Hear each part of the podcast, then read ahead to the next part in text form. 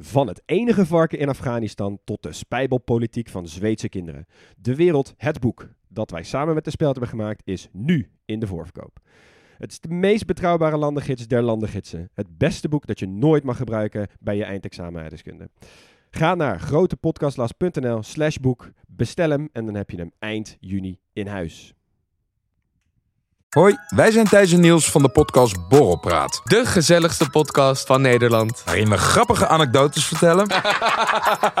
Zo nu en dan wat intieme dingen delen. Ik merk wel dat ik het een klein beetje moeilijk vind dat ik als tiran word gezien. En vragen naar spannende geruchten. Is dat nou gebeurd of niet? Ja, Want Ilias en ik hebben ja. niks gezien. En dat allemaal onder het genot van een borreltje. Oké, nog één biertje dan? Dus schenk jezelf ook maar een drankje in. En luister elke woensdag naar Borrelpraat. Ik krijg nu al dubbele tong. Today, inside long special podcast last, by Yumi Travel ikolo one archipelago with them over 80 islands long Pacific Ocean. Emi one different place straight with them one colorful flag where Emi symbolize them all different culture, long white sand beach, moraine forest. All something ya only offer them long all visitors one unique experience. Long Vanuatu, where you survey find them active volcanoes, one underwater post office, more land diving. Welcome, Long Vanuatu.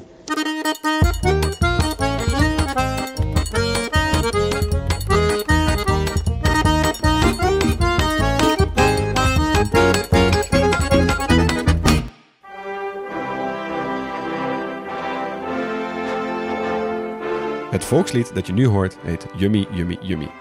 Dat is een beetje de staat waarin wij verkeerden tijdens ons onderzoek naar Vanuatu. Mocht je denken dat dit een 13 in een dozijn Pacifisch eilandstaatje is waaraan de geschiedenis grotendeels voorbij is gegaan, dan heeft deze aflevering een flink appeltje met je te schillen. Het spookt namelijk, hier in het hart van Melanesië. Moeder Natuur is een notoire onruststoker. Wereldmachten brachten bommen en granaten en de Vanuaten zelf zijn ook niet vies van een beetje magie. Hopelijk word jij, lieve luisteraar, vandaag ook betoverd door de schoonheid van deze eilanden. Yummy. yummy, yummy, yummy. Yummy, yummy, yummy, yummy. Best wel een lekker volkslied trouwens hoor. Ik heb hem even opgezocht met tekst. Ja, is het goed? Ja, man. Oh, nice. Oké. Hadden jullie zin in Vanuatu? Nou, zin is een groot woord. Maar Er zijn, nou ja, er zijn landen waar ik meer zin in had. er zijn landen waar ik meer zin in Maar had. ik, ik, ik had eh Vanuatu toch een beetje ingeschaald als een iets anoniemer oceanisch landje dan het blijkt te zijn. Toch meer dat 13 in een dozijn Pacifische Het is eilanden ten eerste Ja. groter dan ik dacht qua inwoners. Het, is, het heeft daardoor gewoon meer cultuur dan ik dacht. Nee, ik mocht me verdiepen in, in cultuur en sport en keuken en zo. Dus dat was wel leuk. En dichterbij hè, dan al die Ja. Kiribatis en zo. Ja. Dus je kunt, ja, je kunt er niet eens zwemmen, maar het is, het is wel ja, 2000 kilometer eh, uit de kust van eh, Australië of zo. Ja, Papua Nieuw-Guinea ligt er om de hoek. Ja, Ja. ja. ja. Ja, jongens, vlakbij. Maar ik heb wel, ik had bij deze ook jou, volgens mij heb ik jou ook wat dingetjes gestuurd, Hugo, en jij mij ook wat dingen. Dat je dan ergens iets aan het onderzoeken bent en denkt, oh, is dit ook hier? Oh, is dit ook hier? En dat je dan een, een, een wikipagina opent bijvoorbeeld en dat dan de basisinfo daar staat en dat je stopt met lezen en ik stuur jou dan gewoon die link en gewoon, ga jij dit maar uitzoeken? Ik heb Ja. zin in dit verhaal. Ik trek mijn handen Ik hier trek vanaf. mijn handen hier vanaf. Daar was Van der precies. Maarten ook wel goed in. Maar dat komt ook omdat Vanuatu is natuurlijk geen eiland. Het is een eilandengroep. Ja. Ehm, met, die best wel een groot gebied omvat. Dus je hebt ook heel veel verschillende, verschillende groepen eh, die weer bekend staan om verschillende culturele Zeker. uitspattingen. Ja. Dus ja. Jij bent gewoon al begonnen met paspoortje en Ja, ja, sorry. één. Dat mag hoor. Ja, nou zal ik hem dan officieel maar even aftrappen, jongens. Yes. Eilandstaatje in de Grote Oceaan. In, het is het hart van Melanesië, zoals we al zeiden. Ehm, nogmaals, hè, dus ietsje ten oosten van Australië. eh, specifiek iets ten oosten van de stad Cairns. Eh, in verhouding is dat dus best wel dichtbij, hè, die 2000 kilometer. Want je kunt echt veel en veel verder. Ja. Het ligt het dichtst bij eh, Nieuw-Caledonië. Dat is dan weer van Frankrijk. Ja. En qua onafhankelijke staten ligt het eigenlijk ten westen van Fiji. Ja. Hebben we ook al een keer gehad. Die hebben we lang geleden gedaan, ja. Vanuatu zelf is een archipel van 83 eilanden. Eh, de grootste daarvan is eh, Espiritu Santo, Spaans voor Heilige Geest. Oké. Dan de oppervlakte, ja, alles bij elkaar is het toch wel een kwart Nederland. Dus net zo groot ongeveer als de Falkland-eilanden of Montenegro. Ja. Eh, dikke 300.000 inwoners, ongeveer net zoveel als de gemeente Utrecht. En de hoofdstad is dan Port Vila. Ligt op het eiland Efate. Dat is het derde eiland qua, qua inwoneraantal. Ligt dus nog best wel ver van dat Espiritu Santo, van dat grootste eiland. Ehm, dat grootste eiland, de grootste stad daarvan is eh Luganville. Ook even goed om te noteren. Geeft ook ooit uh, een knipoog Ja. naar de geschiedenis. Zeker, zeker. Ja. ja. een hele hoop overheersers. Die gaan we allemaal even aftikken zometeen. De valuta is de Vatu. Daar betalen ze mee in eh, Vanuatu. Lekkere tongbreker. Ja.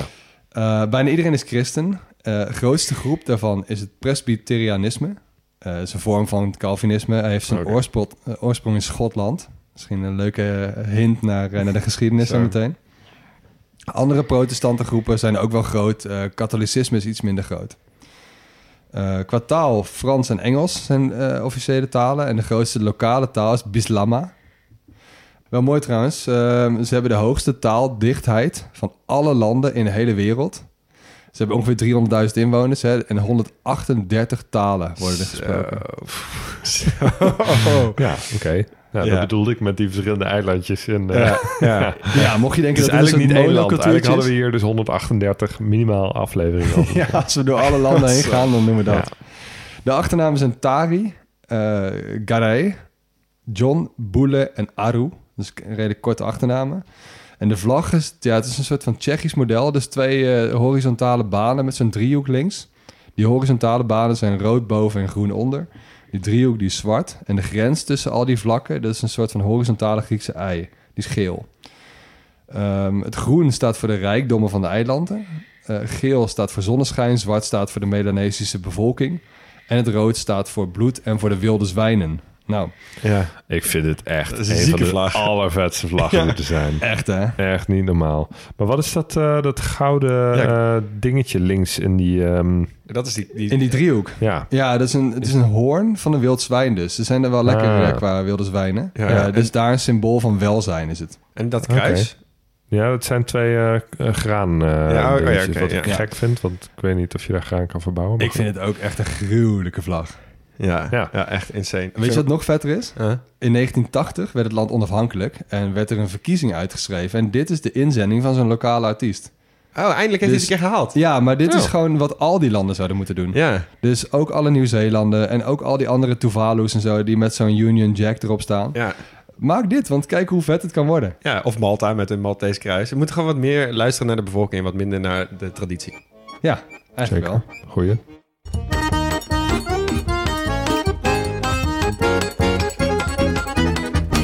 De bevolking van Vanuatu heet Ni Vanuatu en is overwegend Melanesisch. Het verschil tussen Polynesië, Melanesië en Micronesië hebben we al behandeld eh, bij Fiji. Dus als je dat wil weten, moet je daar even eh, beluisteren. Ehm, eh, maar sommige van die eilanden, zoals je al zei, hebben ook Polynesische bevolkingsgroepen. Dus die grens is een beetje diffuus. Eh, en je hebt er ook nog kleine minderheden van Europeanen, Chinezen en Vietnamezen. En dit vond ik ook wel een mooie, mooie statistiek. Ongeveer driekwart van de bevolking woont op het platteland. dan denk je het platteland van deze eilanden. waar dan? Ja, waar als dan? niet in de stad. Als het niet in de stad. Ja, precies, dat is de statistiek. Ja. Eh, maar sinds de onafhankelijkheid eh, zijn er wel steeds meer mensen in Luganville en Port Vila eh, gaan wonen. En die trekken ook nog steeds meer mensen aan. Zoals je wel vaker ziet natuurlijk bij, bij steden. Ehm, maar goed, de meeste mensen wonen daar dus gewoon nog steeds lekker op het land. Dan even snel naar de taal. Of talen. Welke van de 138 wil je uitleggen? Ja, dit is zeg maar de meest voorkomende eh, eh, eh, taal die ze daar gebruiken is het Bislama. Ja. En dat is weer, we hebben al een tijdje niet gehad, een heerlijke pidgin. Hey, Dus een pidgin is eigenlijk, het is een Melanesische pidgin. Dus het is eh, ja, een beetje een mix van gesproken Engels, gesproken Frans en gesproken lokale taal samengeperst. En vooral op de schrijfwijze is het heel grappig. Dus ik heb even een paar mooie voorbeelden eh, opgeschreven. Ehm, ik zeg eh, de, de pidgin kant, en ik, jullie gaan niet raden wat het betekent, maar je mag in ieder geval één gokje doen. Het is Nem Blong Mi. Wat betekent dat? Hoor er even niks in. Nee, Nee. blong me. Nem Blong Mi, name belong me, my name is. oh ja. Nem ja. Blong Mi. Oké, Oh, ja. oké, Ja, oké. Best grappig, toch? Ja. Ik, ik zie waar je heen gaat. En Gudei, G-U-D-D-E-I. Ja, gewoon hallo. Hallo, Ja. goedendag. Eh thank you, dat is T-A-N-G-K-Y-U. Oftewel, dankjewel. Het Ja. mooie van die pigeon is altijd de spelling, hè? Ja, ja, en deze vind ik ook wel lekker. Basket Blong Titi. Eh, die mand is van mijn zusje. Titi is borsten, Oh, dus het is BH. Oh shit. Het is dus borstmand, letterlijk. Basket Blong Titi. Oftewel, Oh. borsten in de mand. ik vind het heel mooi. Ja, ik ben wel fan van deze pitch. Ja. En je hebt rat, blong, coconut. Blong weten jullie inmiddels, hoort bij. Het betekent dat soort van. Dus rat, blong, coconut. Wat dat zou dat betekenen? Ja, ik weet niet wat een rat is, maar Een rat is rat. Oh, Een coconut is coconut. een kokosnootrat. Ja, oftewel een krab. Wie pikt hem? Nee, als een, een krab, een soort beestje Een in met een harde, harde eh, hels, of huls eromheen. ja. Jeetje, wat ver gezocht. ja, ik vind het heel grappig. En een klein huis is one small house. Een small S-M-O-L en house H-A-U-S. En de allergrappigste vind ik, ehm, eh, het, het betekent zeesterm, ook helikopter. Mixmaster Blong Jesus Christ. Waar hebben ze die andere 137 Zeester talen voor nodig? helikopter, hetzelfde woord. Mixmaster Blong Jesus Christ. Ja, sorry. nou, ik snap heel goed waarom ze die andere 137 talen spreken, want dit werkt echt niet. Jawel, dit is super vet. Ja, nou, ik ging helemaal stuk. Ehm, maar goed, we, gaan even de- we duiken even de geschiedenis in. Ehm, eh, in pre-koloniaal Noord-Vanuatu woonden de Melanesiërs, zoals we net hebben gehoord. Hè. En ze zijn nog steeds heel erg aan bezig en dat is eh, heel fijn. En ik wil even, eh, in plaats van inzoomen op wat er gebeurt nadat de Europeanen kwamen, ik even inzoomen op hoe die eh, stammen werkten. Want dat is heel uniek. Want eh, in deze samenleving was leiderschap gebaseerd op het behalen van verschillende grades, grades of niveaus van macht. Die zijn vaak gekoppeld aan religieuze en culturele praktijken of ceremonies. En als je een hogere rang wilde in die samenleving, moest je zo'n ceremonie organiseren eh, eh, om dat te doen. Dus bijvoorbeeld een gemeenschapshuis bouwen of een groot feest organiseren. Of, en nu komt hij meteen weer terugkoppelend aan de vlag, een van de belangrijkste manieren om een hogere rang te bereiken was het doden van waardevolle varkens of zwijnen. Ja. Ja, echt. Toen ik dat las, dacht ik, ja, wat? Oké, Ja, maar... het is bizar. Ik ben die varkens ook een paar keer in mijn onderzoekje tegengekomen. Ja. Die, die zijn echt heel bijzonder. Ja. Geen idee hoe die daar zijn gekomen, maar prima. Maar goed, dus eh, die varkens die werden dus waardevol geacht... door bijvoorbeeld opvallend gekrulde staarten... of dus grote slagtanden, die we dus terugzien in de vlag. Wat vind ik best wel grappig is. En als je dat dan succesvol had georganiseerd... en je had dat varken geslacht... dan kreeg je een hogere rang met meer verantwoordelijkheden... en met meer macht. Ehm, eh, en wat ik dus ook heel vet vind, is... eh, je hebt eilanden, je- los van het eh, eiland dat we net genoemd hebben... heb je ook Noord- en Midden-Pentecost. Het heet tegenwoordig Pentecost. Weet Het is wat Pinkster-eiland? Precies. Ja. het is dus ontdekt op Pinksteren door Europeanen. Hebben het Pentecost genoemd. Het heet dus nog steeds Pentecost. Maar daar zijn deze tradities dus nog steeds in leven. Dus als jij een hogere rang behaalt, dan komt er een titel bij. Dus een aantal van die woorden zijn bijvoorbeeld Tari of Mol of Luvisi. En die titel wordt dan gekoppeld aan een naam en die naam krijg je er dan bij. Dus als jij bijvoorbeeld de Mol-klas haalt, dan krijg je een naam erbij, zoals Molbaga, Molto, Molbet.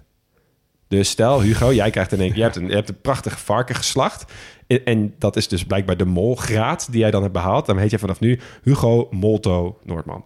Oké, vet. Moet, je, moet je niet te veel van die het wel een titels mooi halen. systeem. Het, het motiveert zeg maar wel om... Hè, Ja, je moet, je moet Het is een beetje zoals zo'n eh, militair met heel veel van die spelletjes en Ja. rangetjes op een outfit. Dit is grappig dat je het zegt, want dat is letterlijk ook wat er gebeurt. Oh. Want als je dat recht hebt verworven, en dat, overigens dat recht krijg je bij veel van die ceremonies pas van iemand die dat, die, die rang al heeft. Die kan jou dan zeg maar verhogen naar die rang die hij of zij per zelf heeft, voornamelijk hij. En dan krijg je dus inderdaad bepaalde insignes die je dan mag dragen op je, op je, op je shirts. Of op je trui. Dus niet per se een uniform of zo, maar die mag je dan dragen. En ik kwam dus ook tegen dat je zelfs het recht krijgt om op bepaalde drumbeats te dansen. die jij dus alleen, een soort start van de ceremonie, als er dan een specifiek nummer wordt gedraaid, mag jij als enige dansen, omdat jij die bepaalde rang hebt behaald. Ja, dit is, ik vond het heel vet. Het is dus grotendeels in het verleden gebleven, maar in de hedendaagse cultuur echt nog wel zichtbaar. Eh, en op heel veel andere eh, eh, eilanden gebeurt dit dus nog. Maar dit is heel erg typisch voor Vanuatu. Dit is onderdeel van een grotere set traditionele regels, eh, geschreven en ongeschreven, allemaal op Vanuatu. Eh, en dat heet custom of custom, oftewel custom, customs, regels. Eh, van het Engels uiteraard. En daar wil ik nog even een aantal aspecten van, van, van laten zien. Want eh, dat leiderschap wat we net hebben gehad, hè, dat is dus een van die onderdelen daarvan. Maar dus ook bijvoorbeeld eh, een diep respect voor voorouders en geesten. Wat je heel vaak ziet op eilanden. Hè, dus heel respectvol om praten over je voorouders. Eh, heel veel offers en ceremonies en rituelen die daarbij horen. Daarnaast is er, zijn er veel ongeschreven regels en taboes. Taboe is ook weer zo'n typische eilandcultuur ding... die we ook bij meerdere plekken zijn tegengekomen. Rondom gedragsnormen tussen mannen en vrouwen bijvoorbeeld. Ehm, maar ook ehm, dat in de, in de custom cultuur... land wordt gezien als een heilige en essentiële bron van leven en welzijn. Dus in harmonie leven met de natuur... en eh, respect hebben voor de dieren en voor je bomen, bla bla bla. Nou, Uh, hoe zit dat dan nu? Want het maakte dus een groot deel uit van die Vanuatu-traditie voordat de Europeanen arriveerden. Maar uh, daarna is het dus met de westerse levensstijl gaan vermengen en is er een soort nieuw systeem ontstaan. en is er ook best wel een groot verschil ontstaan. Dus de eilanden die minder werden bezocht door de westerse uh, kolonisators, die hebben dus echt nog wel die oude custom systemen. Mhm. En die eilanden waar veel uh, westerse uh, mensen kwamen, daar is het echt gaan vermengen. En heb je dus hele gekke soort lokale religies die, daar aan over zijn, die daarvan over zijn gebleven. Dat is best wel interessant. Ja. Nou, hoe vergingen dan die eilanden toen die Europeanen eenmaal daar waren?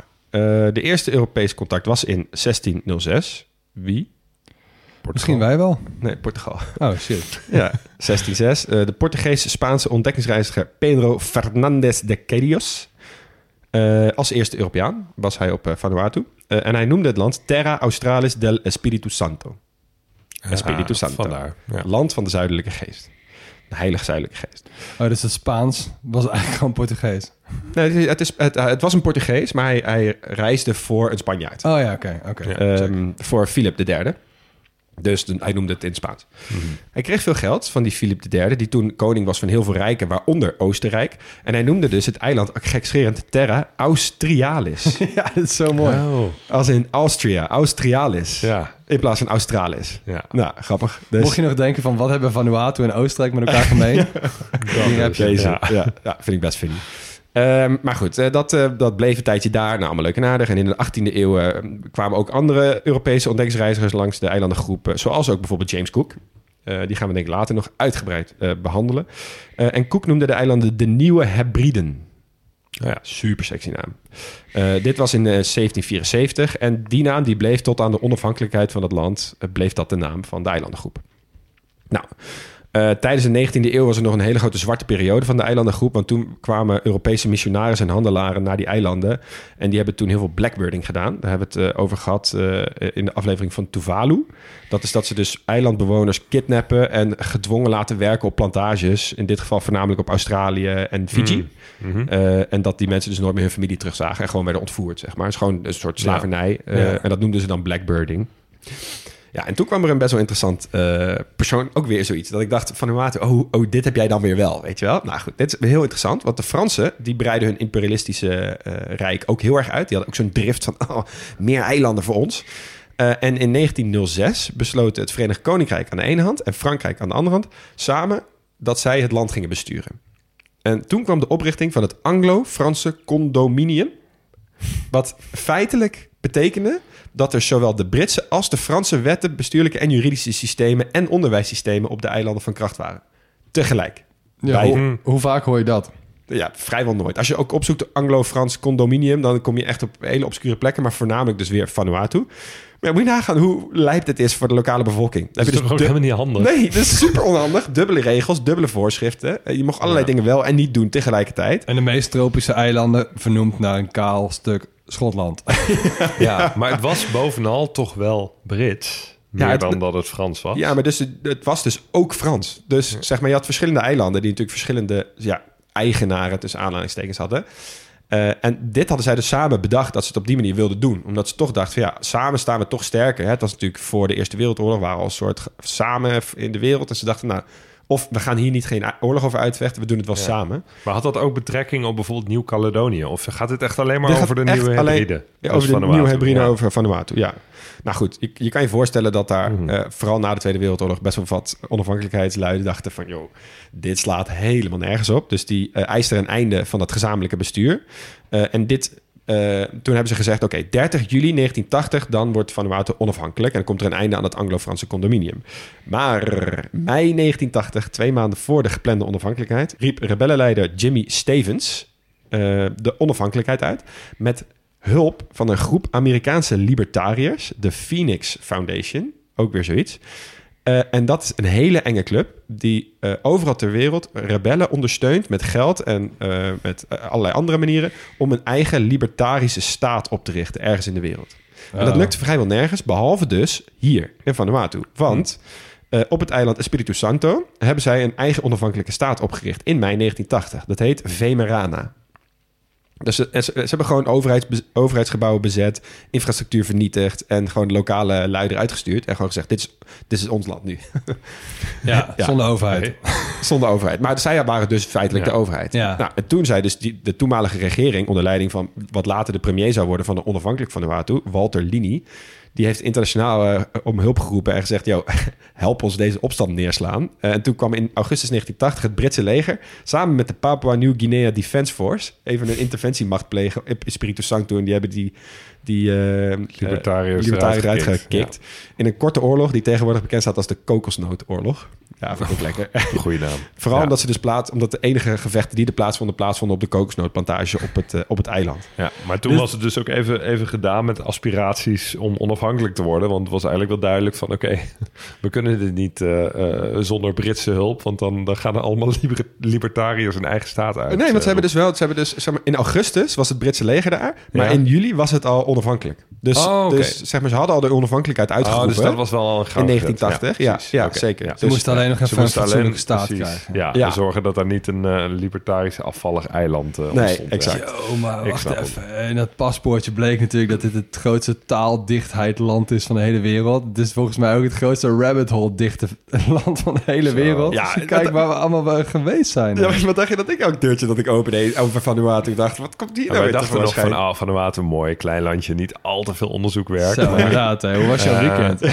ja, maar ik had het ook hoor, in mijn hoofdstukje. Dit is ja. denk ik wel echt kenmerkend voor het land. Ja, echt. Ja, ja en dus ik hou het, het, het, huidige politieke deel er ook heel kort. Want um, uh, er waren vroeger ook best wel gewoon wat taal-issues... die we bijvoorbeeld ook zagen in Cameroen... tussen Frans-Engelse lijnen. Maar die beginnen wel steeds vaker te vervagen. En die scheiding is eigenlijk best wel een beetje verleden tijd... omdat uh, uh, tegenwoordig veel meer een nationale identiteit wordt aangehangen... Um, na die, dus die onafhankelijkheid. En dat die politieke allianties tegenwoordig veel meer zijn vanwege een soort electoraal gemak. En oh ja, op deze manier kan ik aan de macht komen, veel meer dan taallijnen of ideologie. Ja.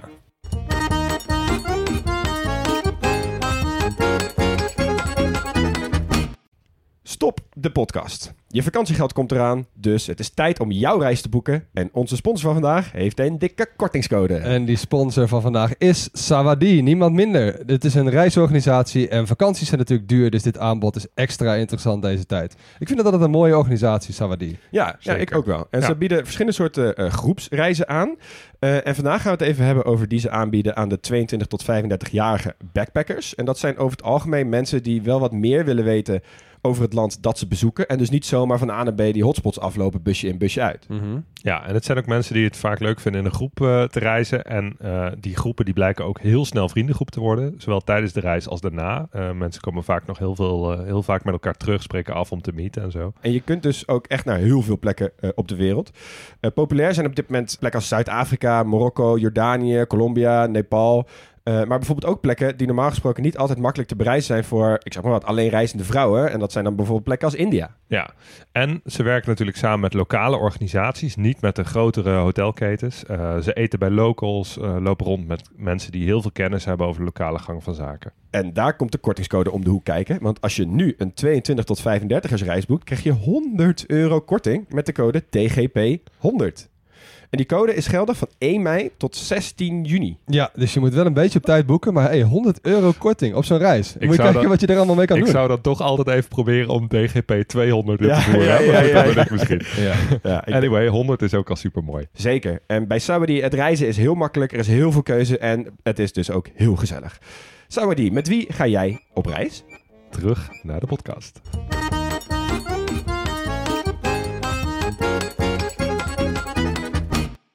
Uh, ja, het tweede hoofdstukje wordt gewoon net zo'n knotsgek hoofdstukje als, uh, als jouw inbreng net, Leon. Dus uh, ga er even goed voor zitten. In. ieder geval, we hebben het hier over een eilandengroep van vulkanische oorsprong natuurlijk. Het is best een grote groep, 83 eilanden. Ehm, ook iets meer dan 800 kilometer van noord naar zuid. Dus logisch, grote verschillen regionaal. Het verschilt dus ook wel hoe tropisch het is. dus in het noorden is het veel tropischer dan in het zuiden. Um, een shortcut, als je het toch wil hebben. het is vetgroen, met hellingen die veel te steil zijn voor landbouw. Maar 9% ongeveer van het landoppervlak is daar bestemd voor. Hè, dus uh, is, uh, is goed voor landbouw. Dus je vraagt je voor de rest af van waar bestaan ze dan van? Nou, landbouw speelt natuurlijk wel een rol. Toerisme speelt ook een grote rol. Um, en we moeten ook even noemen offshore financiële activiteiten. Oh. Eerst die laatste maar even. Daar ben je wel goed in. Uh, Ja, ik Ja, ik zit lekker in eh, de belastingparadijs. Ik denk En dat het er- binnenkort die uit de computer komt, eh, komt innemen. ja. Nou ja, ik benoem ze. Ik doe er verder niks mee.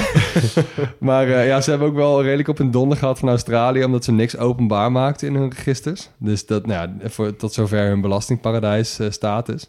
Ehm, ze hebben ook heel veel belastingen die wij kennen, die kennen zij niet. Dus dingen als inkomstenbelasting en zo, best wel belangrijk. maar dat hebben ze dus zelf niet. Oké. Eh, ze zijn ook zo'n een van die flags of convenience landen. Oh ja. Dus eh, je hebt ook heel veel schepen die varen onder de Vanuataanse vlag.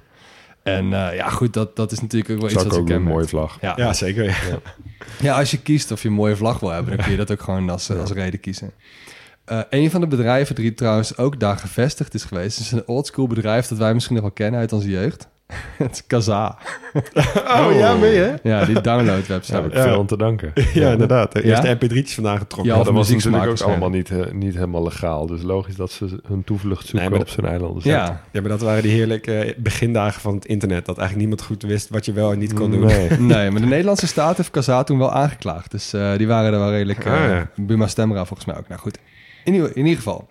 Ehm, exportpaspoortje, eh, zie je dus landbouw en visserij. Is, eh, meer dan de helft is gewoon vis. Eh, maar daarna komen, komt die, sleepboten, parfumplanten, cacao, kokos en ansichtkaarten. Wow. Want eh, bedenk je even dat je aan het snorkelen bent ergens... en je bent aan het genieten van al het moois onder water... en je bedenkt ineens tijdens het snorkelen dat je nog een brief moet posten. Geen zorgen. Vanuatu heeft namelijk 's werelds enige onderwater postkantoor. Is het niet een gevolg van klimaatverandering of is het gewoon een Nee, bewust... nee, ze hebben dit echt bewust aangelegd. Drie meter diep. Eh de snorkelaars en duikers die kunnen daarheen met waterdichte aanzichtkaarten... die je dus op land kunt kopen. En als je als snorkelaar, als het je niet lukt om te duiken... dan krijg je ook gewoon hulp van zo'n beambte. Stel je voor dat je daar je werk moet gaan uitleggen op een feestje. Ja, wat doe jij? Ja, ik help dus mensen onder waterkaarten posten buiten de zee. Ja, ik denk niet dat ze fulltime baan is... want hij is maar een, dag per, eh, een uur per dag open. Ze, Dus, hebben, ja. ze hebben toerisme wel echt uitgespeeld. Hè? Absoluut, ja. ja. Ze zeggen zelf, ze hebben het geopend om te onderstrepen... hoe, la- hoe belangrijk de zee is voor Vanuatu. Nou, Ja. fantastisch. Mooi. Goed verhaal. Dan nog iets. Als je het hebt over goed verhaal. We moeten het even hebben over de cargo cults. Gaat er een belletje rinkelen? Geen. Nee. Mooi. Dit is een van de rabbit holes der rabbit holes. Eh, de Melanesiërs die zagen pas heel laat in de geschiedenis... dus die eerste Westelingen. Dat zei je net ook, Leon. Ja. Ehm, en toen waren ze technologisch gezien al zover... dat ze dus al die materialen die ze bezitten... en de bezittingen überhaupt die ze hadden... dat die al vet ver, ver gevorderd waren. Dus cargo in dit geval zagen zij ook echt als tovenarij. Hè, van wat, wat hebben we tegenwoordig allemaal? Ja. Dat kan, kan gewoon niet kloppen. Nee. Zij zagen daarin de zending van overleden voorouders... die spullen naar hun toe probeerden te sturen... en dat die Westelingen dat in hun bezit hadden gekregen. Dus die Westelingen werden daarin de vijand. En wat gingen ze toen doen? Ze gingen die Westelingen in- eh, intimideren. Eh, dus ze gingen hun parades nadoen en zo... om die spullen dus ook te krijgen.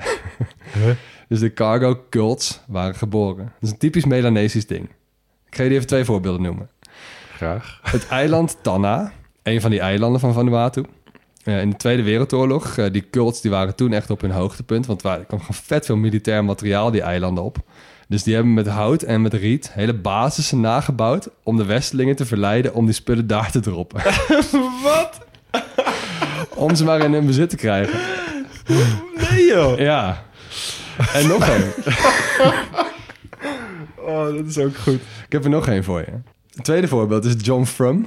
John Frum is iemand, of in ieder geval het is een soort messias. Die wordt verwacht eh, door de lokale bevolking. Hij werd verwacht ten tijde van de, van de Tweede Wereldoorlog.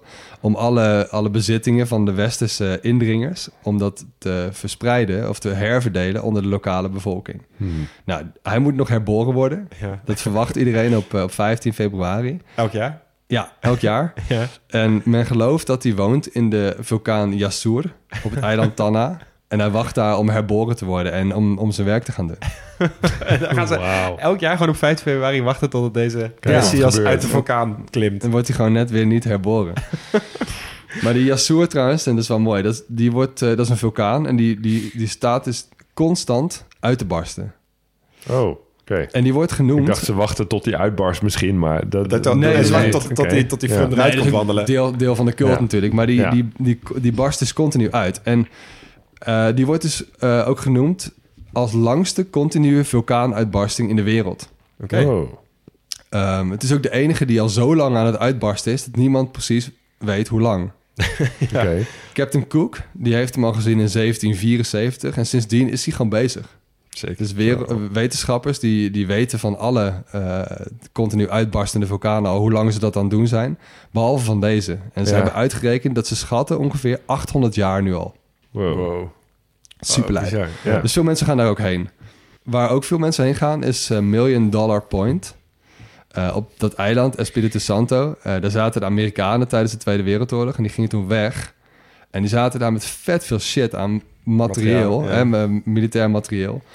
Eh, ook aan Coca-Cola flesjes en alles was er allemaal. En dat, daar zaten ze allemaal mee opgeschreven. En toen dachten ze, weet je wat? Die Britten en die Fransen, die willen dat wel overnemen voor een vriendenprijsje. En die Britten en die Fransen zeiden, nou nee. dus toen, die dachten van, als wij gewoon zeggen van, van niet... dan gaan die Amerikanen gewoon weg. En dan krijgen we het gratis. niet meenemen. Ja. Ja. ja. En die Amerikanen dachten, dat gaan we niet doen. Weet je wat we doen? We rijden gewoon alles naar de werf... en we flikkeren gewoon alles in zee. Nee joh. En dat hebben ze gewoon gedaan. Wat? Dus ze hebben kleding en voedsel en die voertuigen en echt superveel waardevolle dingen. Die hebben ze daar gewoon allemaal laten afzinken. De million dollar Jezus. point. De million dollar point. Ja. Jongen, jongen, jongen. Terwijl net, net een oorlog gewonnen met... Je Ja. Pff, Ja. Dan even een hele positieve noot, jongens. Eh, volgens de laatste meting van de Happy Planet Index, heb je hem weer, Ja. staat Vanuatu tweede Achter Costa Rica? achter Costa Rica. Oeh, Hey, nice. Kunnen jullie hem nog uitleggen, de Happy Planet Index? Ja, er waren toch drie onderdelen. Dus zeg maar je, hoe weinig CO2 je uitstoot, hoe... eh, pff, ja, Ik Nou, vergeef eh, hem je. Hoeveel, hoe goed je in balans leeft met, eh, met de aarde. Weet je wel. ja, er moest iets delen door het aantal CO2-uitstoot. Ja, zeg maar. welzijn keer levensverwachting gedeeld door ecologische voetafdruk. Ja. Ja. Dus dat is wat je dan krijgt. En je hebt niet zoveel landen met een lage ecologische voetafdruk en wel een heel hoog welzijn. Ja. Dus dat is waar Vanuatu zich, eh, zich goed profileert. Ja. En je kunt dus wel hele hoge en lage uitschieters hebben. Dus bijvoorbeeld hoog eh, Zwitserland heeft super hoge levensverwachting en compenseert dat voor de voetafdruk. Ze hebben ook heel hoog Mhm. welzijn. Ja. Eh, laagste bijvoorbeeld zijn landen met een heel laag welzijn en levensverwachting. Maar de twee allerlaagste zijn Mongolië en Qatar. Ja, Hmm. Qatar natuurlijk. Qatar, Qatar voetafdruk. Ja, Ja. en Mongolië heeft heel veel vee, gebruikt heel veel kolen, maar hij heeft ook heel ja. veel last van verwoestijning en dat er dus bos verdwijnt. Dus het is niet helemaal hun schuld. Nee, oké. Nou, Vanuatu is tien jaar geleden begonnen, heel bewust, ehm, echt met een weg van welzijn. Eh, dus in plaats van alleen maar economische groei, eh, hebben lokale belanghebbende partijen eh, plannen ingediend die leiden tot het 2016 tot 2030 National Sustainable Development Plan. Samengevat in 15 beleidsdoelen, samen 198 indicatoren. 10% van die indicatoren komen ook uit de traditionele Melanesische welzijnswijsheden. Oh ja. Dus echt wel mooi. Ze hebben daar echt gewoon Ja. super lang, lange termijn eh voor uitgedacht. Ja. Het is wel trouwens een misvatting om te denken dat het echt een happy index is. Daarvoor heeft het land echt te veel uitdagingen. Hmm. Ehm, wat je wel ziet, het is gewoon, eh, ja, je leeft in harmonie met de cultuur of met de natuur. Maar wil niet zeggen dat je dan ook eh, geen last hebt van bedreigingen eh, door klimatologische omstandigheden. Nee, zeker. Dus inwoners willen wel mee in de vaart der volkeren, de bevolking groeit. Maar economisch gezien gaat het niet, niet altijd super. Dus dan krijg je van die acti- activiteiten die op individueel niveau wel een goed idee zijn, maar op macroniveau en lange termijn niet zo'n goed idee. Dus ontbossing en slash and burn, ehm, bodemerosie en overbevissing zijn echt wel problemen in, Ja. eh, in, in Vanuatu. Maar dat is alleen het deel waar de lokale bevolking zelf rechtstreeks invloed op heeft. En ehm, Vanuatu is wel klima qua klimaat een van de meest kwetsbare landen van de hele zuidelijke grote oceaan. Dus aan de ene kant hebben ze natuurlijk heel veel tropische stormen, die cyclonen en zo. Maar het is ook gewoon aardbevingsgebied en, ehm, en vulkanisch gebied. Ja. En stijging zeespiegel ook nog. Precies, ja. Dus Ja. het is eh, echt niet altijd, eh, altijd feest. Maar goed, die Happy Planet, eh, Happy Planet Index, die hebben ze wel zeker. Ja, keurig. Tweede plek.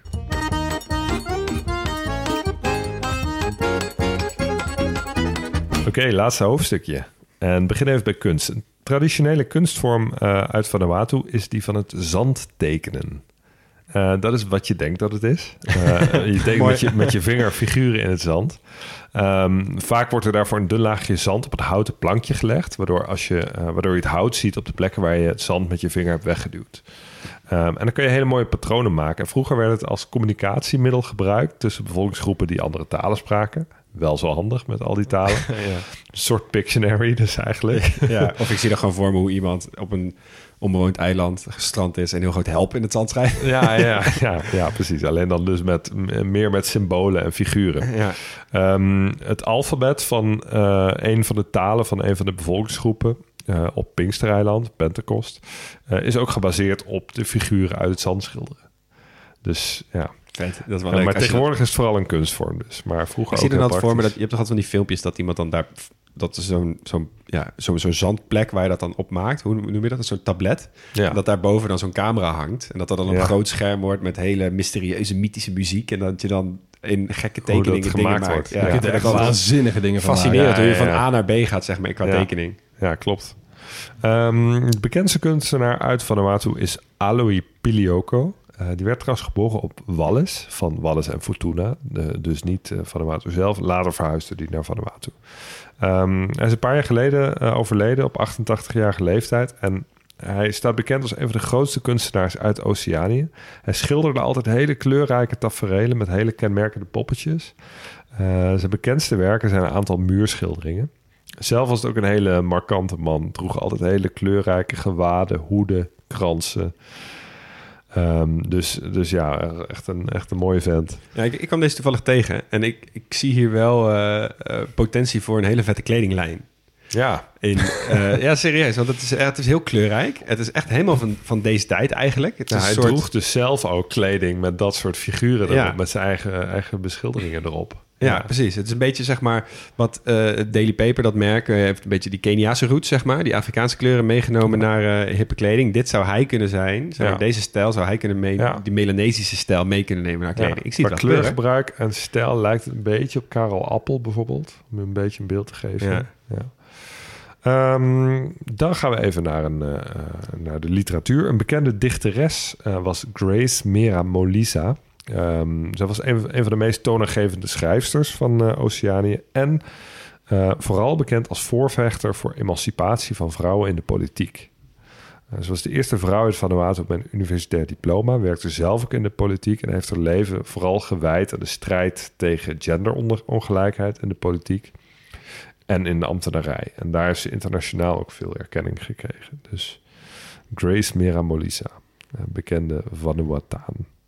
Maar dan de muziek. Daar wachten jullie natuurlijk op. Ehm, we beginnen met de traditionele muziek. Eh, in Vanuatu wordt eh, veelvuldig gebruik gemaakt van een instrument dat we kennen of niet kennen, maar in ieder geval dat we noemen de spleettrommel. Oké. Spleet? Trommel? Spleettrommel. Zo'n een-. Nee. Nee, nee, nee. Het is geen toetsinstrument. Het is een hol stuk hout met een spleet erin. Eh, dus het is eigenlijk gewoon één grote klankkast. En als je erop slaat, dan maakt het geluid. Dat hout dat wordt heel sierlijk bewerkt, zodat het instrument eruit ziet als een soort totempaal. En sommige van die spleetrommels uit Vanuatu zijn ook echt meters hoog. Dus het zijn enorme, enorme dingen. En het klinkt ongeveer zo.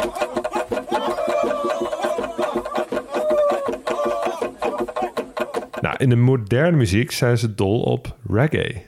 Een, eh, genre wat we nog niet zo heel vaak zijn, eh, hebben besproken in ieder geval. Ehm, we gaan even een stukje luisteren. Eh, een van de bekendste reggae bands in Vanuatu is Warere.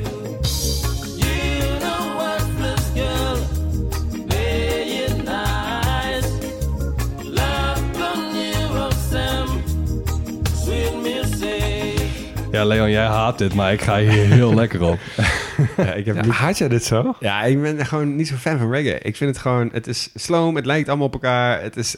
eh, Ik ben groot fan. ik niet zo. Ja, ik ben ook groot fan. Ik vind het ook heerlijk. Sorry, Leon. Ja, dat mag. Dat zou Ik. Ik draai ook wel eens er nog verschrikkelijk van je, maar die zal ik je onthouden dan. Ja, ook niet. Ehm, dan eh, de, de, de grootste ster van dit moment is Vanessa Kei. Ehm, we luisteren naar haar nummertje Igot Mohango.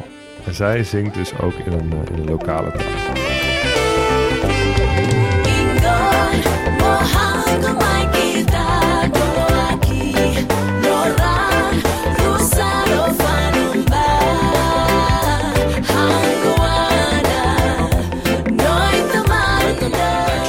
Beetje die reggae in terug. Ja, ik vind het echt een lekker nummertje. ik, Island ik, heb, ik heb hem vandaag een paar keer gedraaid. eh Snap zit ik al wel. lekker in mijn hoofd. Ja, Zit hier met een grote glimlach. ja nee, vind ik leuk. Vind ik leuk. aan onze mooie Spotify-lijst van Ja, ja. eh, de grote popatlas. Ja, nou dan gaan we een beetje koken. Ehm, de keuken die is een beetje eh, zoals je verwacht in deze regio. Veel vis, veel groente, veel fruit, veel knollen zoals zoete aardappel, cassave en die- weer die jams.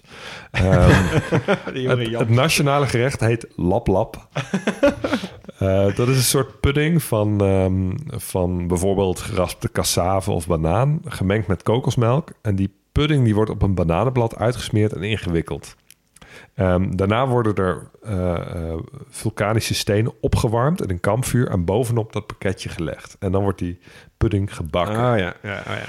Ehm, daarna wordt, die, eh, wordt het bananenblad weer opengemaakt en kan je er allemaal toppings op doen, zoals vlees of vis. En het wordt heel veel verkocht als streetfood op lokale markten. Nou, dit Klinkt lijkt me serieus. serieus. Ja, dit, Dat lijkt me Het wel ziet er wat. ook echt wel goed. Er zijn ook filmpjes, ehm, veel filmpjes te vinden van hoe ze dat dan maken. Het is echt een mooi proces. Hmm. Mooi proces, ja. Nou, lekker dus. Ehm, en dan nog even sporten. Ehm, nou, sinds 1988 doen ze mee aan de zomerspelen. Maar helaas, nooit een medaille. Ehm, bij dit soort landen kun je altijd beter kijken naar dingen als de Commonwealth Games. Daar hebben ze drie keer brons gehaald. En natuurlijk de Pacific, Pacific, Games. de Olympische Spelen van Oceanië. Eh, daar staan ze in de middenmoot ongeveer van de medaillespiegel. Met bijna 200 medailles. Ehm, je hebt trouwens... daar onderaan staat, jongen, heb ik echt niks in de melk te wat sport betreft. Je hebt trouwens ook de Pacific Mini Games. Dat is een uitgeklede versie die tussendoor wordt gehouden. Dus ze worden allebei om de vier jaar gehouden. Maar om de twee jaar is er dus ofwel een Pacific Games ofwel een Pacific Mini Games. Oké, ja. Ehm, Vanuatu heeft die minigames ook twee keer zelf mogen organiseren. Net als we op Tuvalu zagen, hebben ze trouwens op Vanuatu ook nationale spelen... waarin eilanden tegen elkaar opnemen. Dat vind ik ook altijd wel mooi. Ja, vind ik ook wel leuk. Ja. En hier heb je dan ook echt nog wat te doen, zeg maar. Met al deze verschillende eilanden, verschillende geschiedenissen, verschillende Ja, sporten klopt, klopt, klopt. Ja. In Tuvalu was het echt een veredelde sportdag. Maar Ja. hier, hier is het wel... Dit is natuurlijk heel echt een fatsoenlijk land. Ja. En die Pacific Games, eh, wil je er nog verder op doorgaan of niet? Ja, nou in ieder geval op de editie van 1987... Oh, Uh, want die, uh, die werd namelijk geboycott door de regering van Vanuatu. Die vonden namelijk plaats in uh, Nieuw-Caledonië, die spelen. Um, maar daar was een onafhankelijkheidsstrijd gaande van een lokale beweging tegen de Fransen. Um, Nieuw-Caledonië is trouwens het land wat het, het medailleklassement op die Pacific Games aanvoert. Dus dat, dat is het echt by far het sterkste land in die regio. Echt? misschien allemaal Frans. Ja, allemaal Frans, ja. ja. ja. Um, maar goed, uh, uh, ze boycotten dat, dus, dus, ze gingen niet. Maar de voetbalbond was het niet eens met de beslissing. Dus die stuurde het voetbalteam toch. Uh, en dat voetbalteam dat won bijna een bronzen medaille op die, op die spelen. Maar de spelers van het team werden door de regering echt beschouwd als rebellen. Dus oh, wow. die zijn gewoon illegaal uh, daar naartoe gegaan. Ben eens verwikkeld ja. in, een politiek, uh, ja. in een politiek ding. Ja. Uh, ja, en ik wilde het nog even over uh, die 2015 hebben, Huug. Want die hebben we eerder genoemd. Oh, ja. Is het nog waarom? Nee. Voetbaltoernooitje. Ik wou het zeggen, met de meeste tegengoals. ja, oh, ja, ja, ja Vanuatu was het team dat nog steeds bovenaan staat. Dus het gaat om de grootste overwinningen van voetbalwedstrijd. Ja. Dus uh, 46-0 tegen Micronesië. ja, dat klopt, ja. Fantastisch. Ja, dat, dat doen ze alweer goed. Ja. Mooi. Nou, dan tot slot gaan we nog even kijken naar een lokale sport. Een zeer lokale sport, want wordt alleen beoefend op, uh, op Pentecost, op het, uh, het zuidelijk deel van Pinkster-eiland. Dus echt een heel specifiek deel van het eiland. Het is wel een lekker eilandje trouwens, hè? Ja, die, ja, die hebben ons veel gebracht qua kunst, cultuur, mooie verhalen. Ja. De sport die heet goal of non-goal. En uh, het, is de, het is best te vergelijken met bungee jumpen. Uh, er worden houten torens gebouwd van wat 30 meter hoog. Deelnemers die binden lianen aan hun enkels en springen dan naar beneden.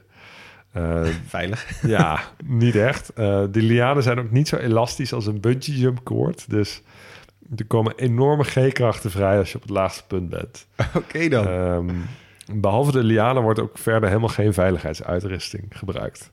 Wat? Ja. Zijn, die, zijn die Melanesiërs op uh, Zuid-Pentecost-eiland uh, ook, weet ik veel, 30 centimeter langer dan allerlei op alle andere eilanden vanwege dat? Eén been.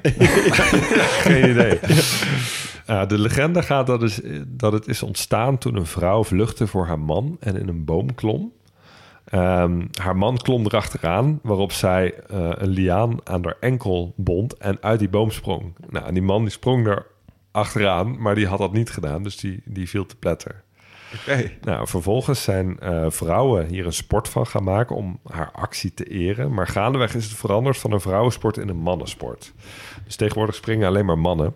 En dat is een heel ritueel. Eh, er wordt door mannen wekenlang gebouwd aan die houten torens. Ze sluiten zich helemaal af van de vrouwen, onthouden zich ook van seks.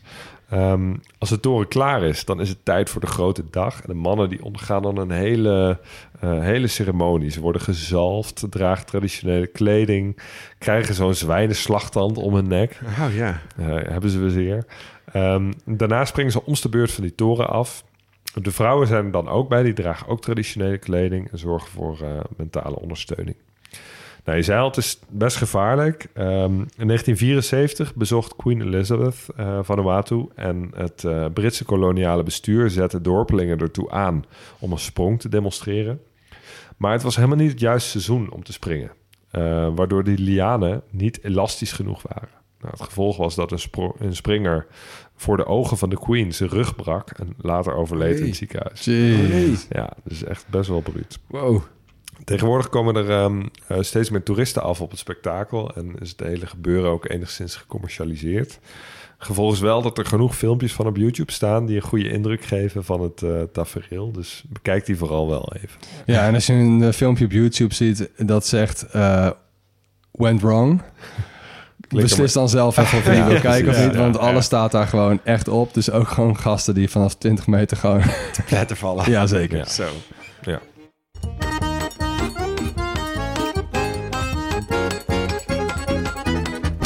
Oké jongens, de slotvragen. Wat maakt het land uniek? En voordat we hem zelf gaan beantwoorden, ehm, hebben we een ingestuurd antwoord van een wel heel bijzonder iemand, namelijk van Tim het Kind. Die mailde ons, echt geheel toevallig, dat hij namelijk eh, honorair consul namens Vanuatu is in België. Ja.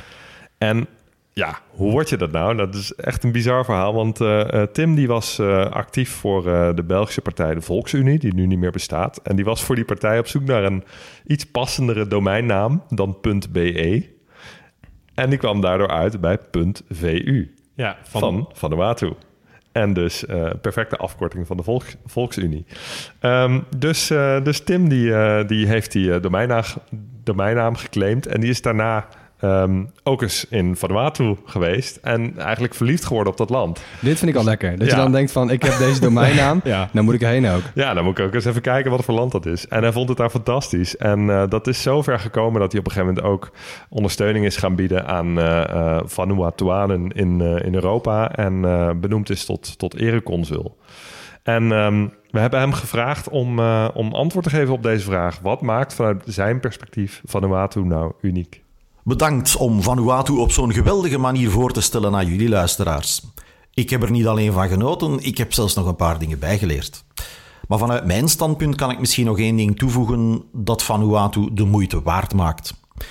Hun strijd tegen de gevolgen van de klimaatverandering en dan vooral hoe ze erin slagen om ver boven hun gewicht te boksen in deze context.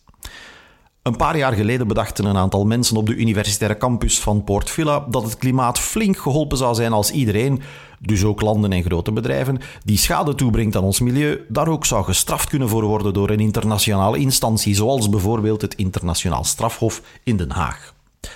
Samen met de regering van Vanuatu en een paar NGO's die ook vechten tegen de gevolgen van klimaatverandering, begonnen ze aan een heus diplomatiek avontuur. Ze zouden de wereld overtuigen van hun gelijk.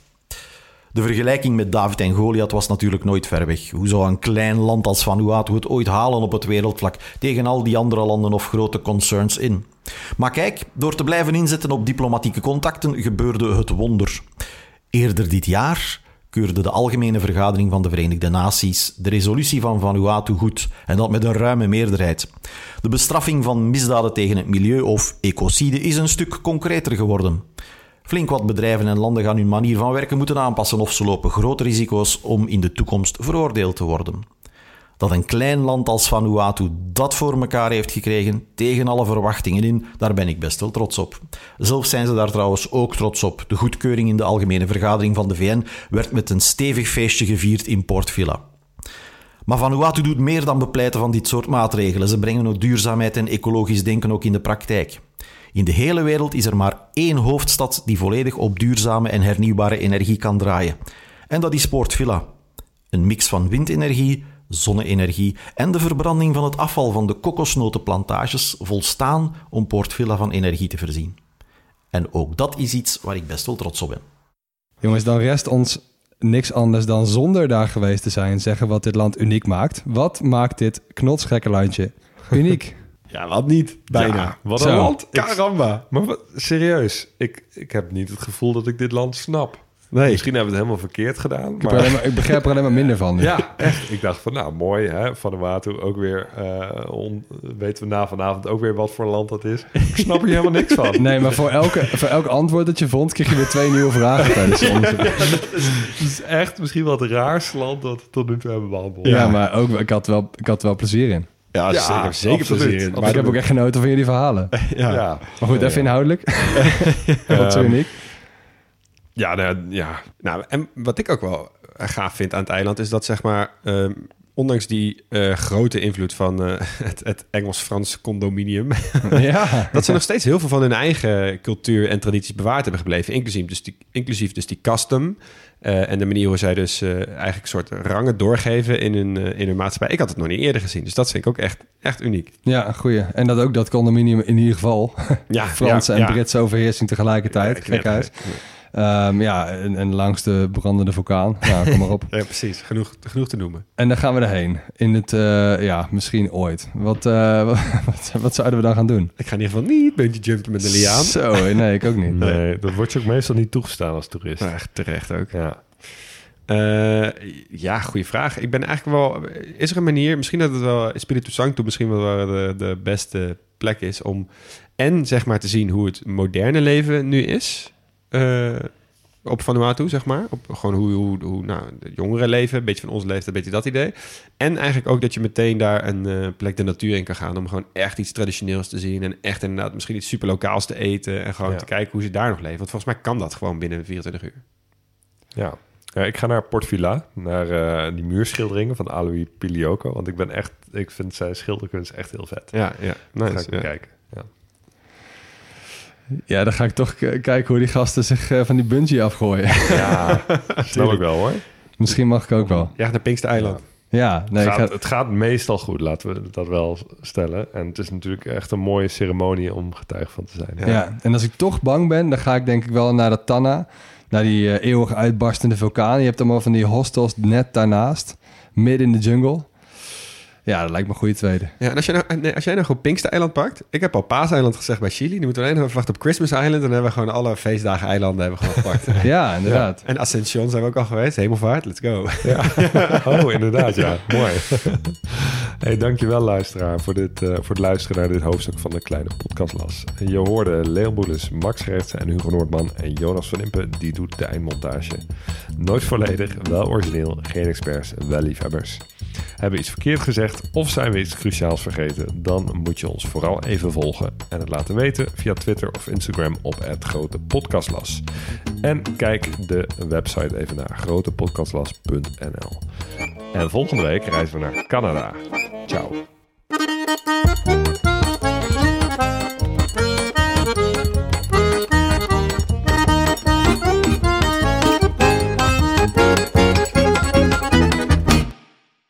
Luisteraar. Luister je nog steeds? Klasse, man. Je hebt er gewoon helemaal afgeluisterd. Nou, nu je tot hier bent gekomen, koop dan ook gelijk even ons boek, hè. grotepodcastlas.nl slash boek. Doei!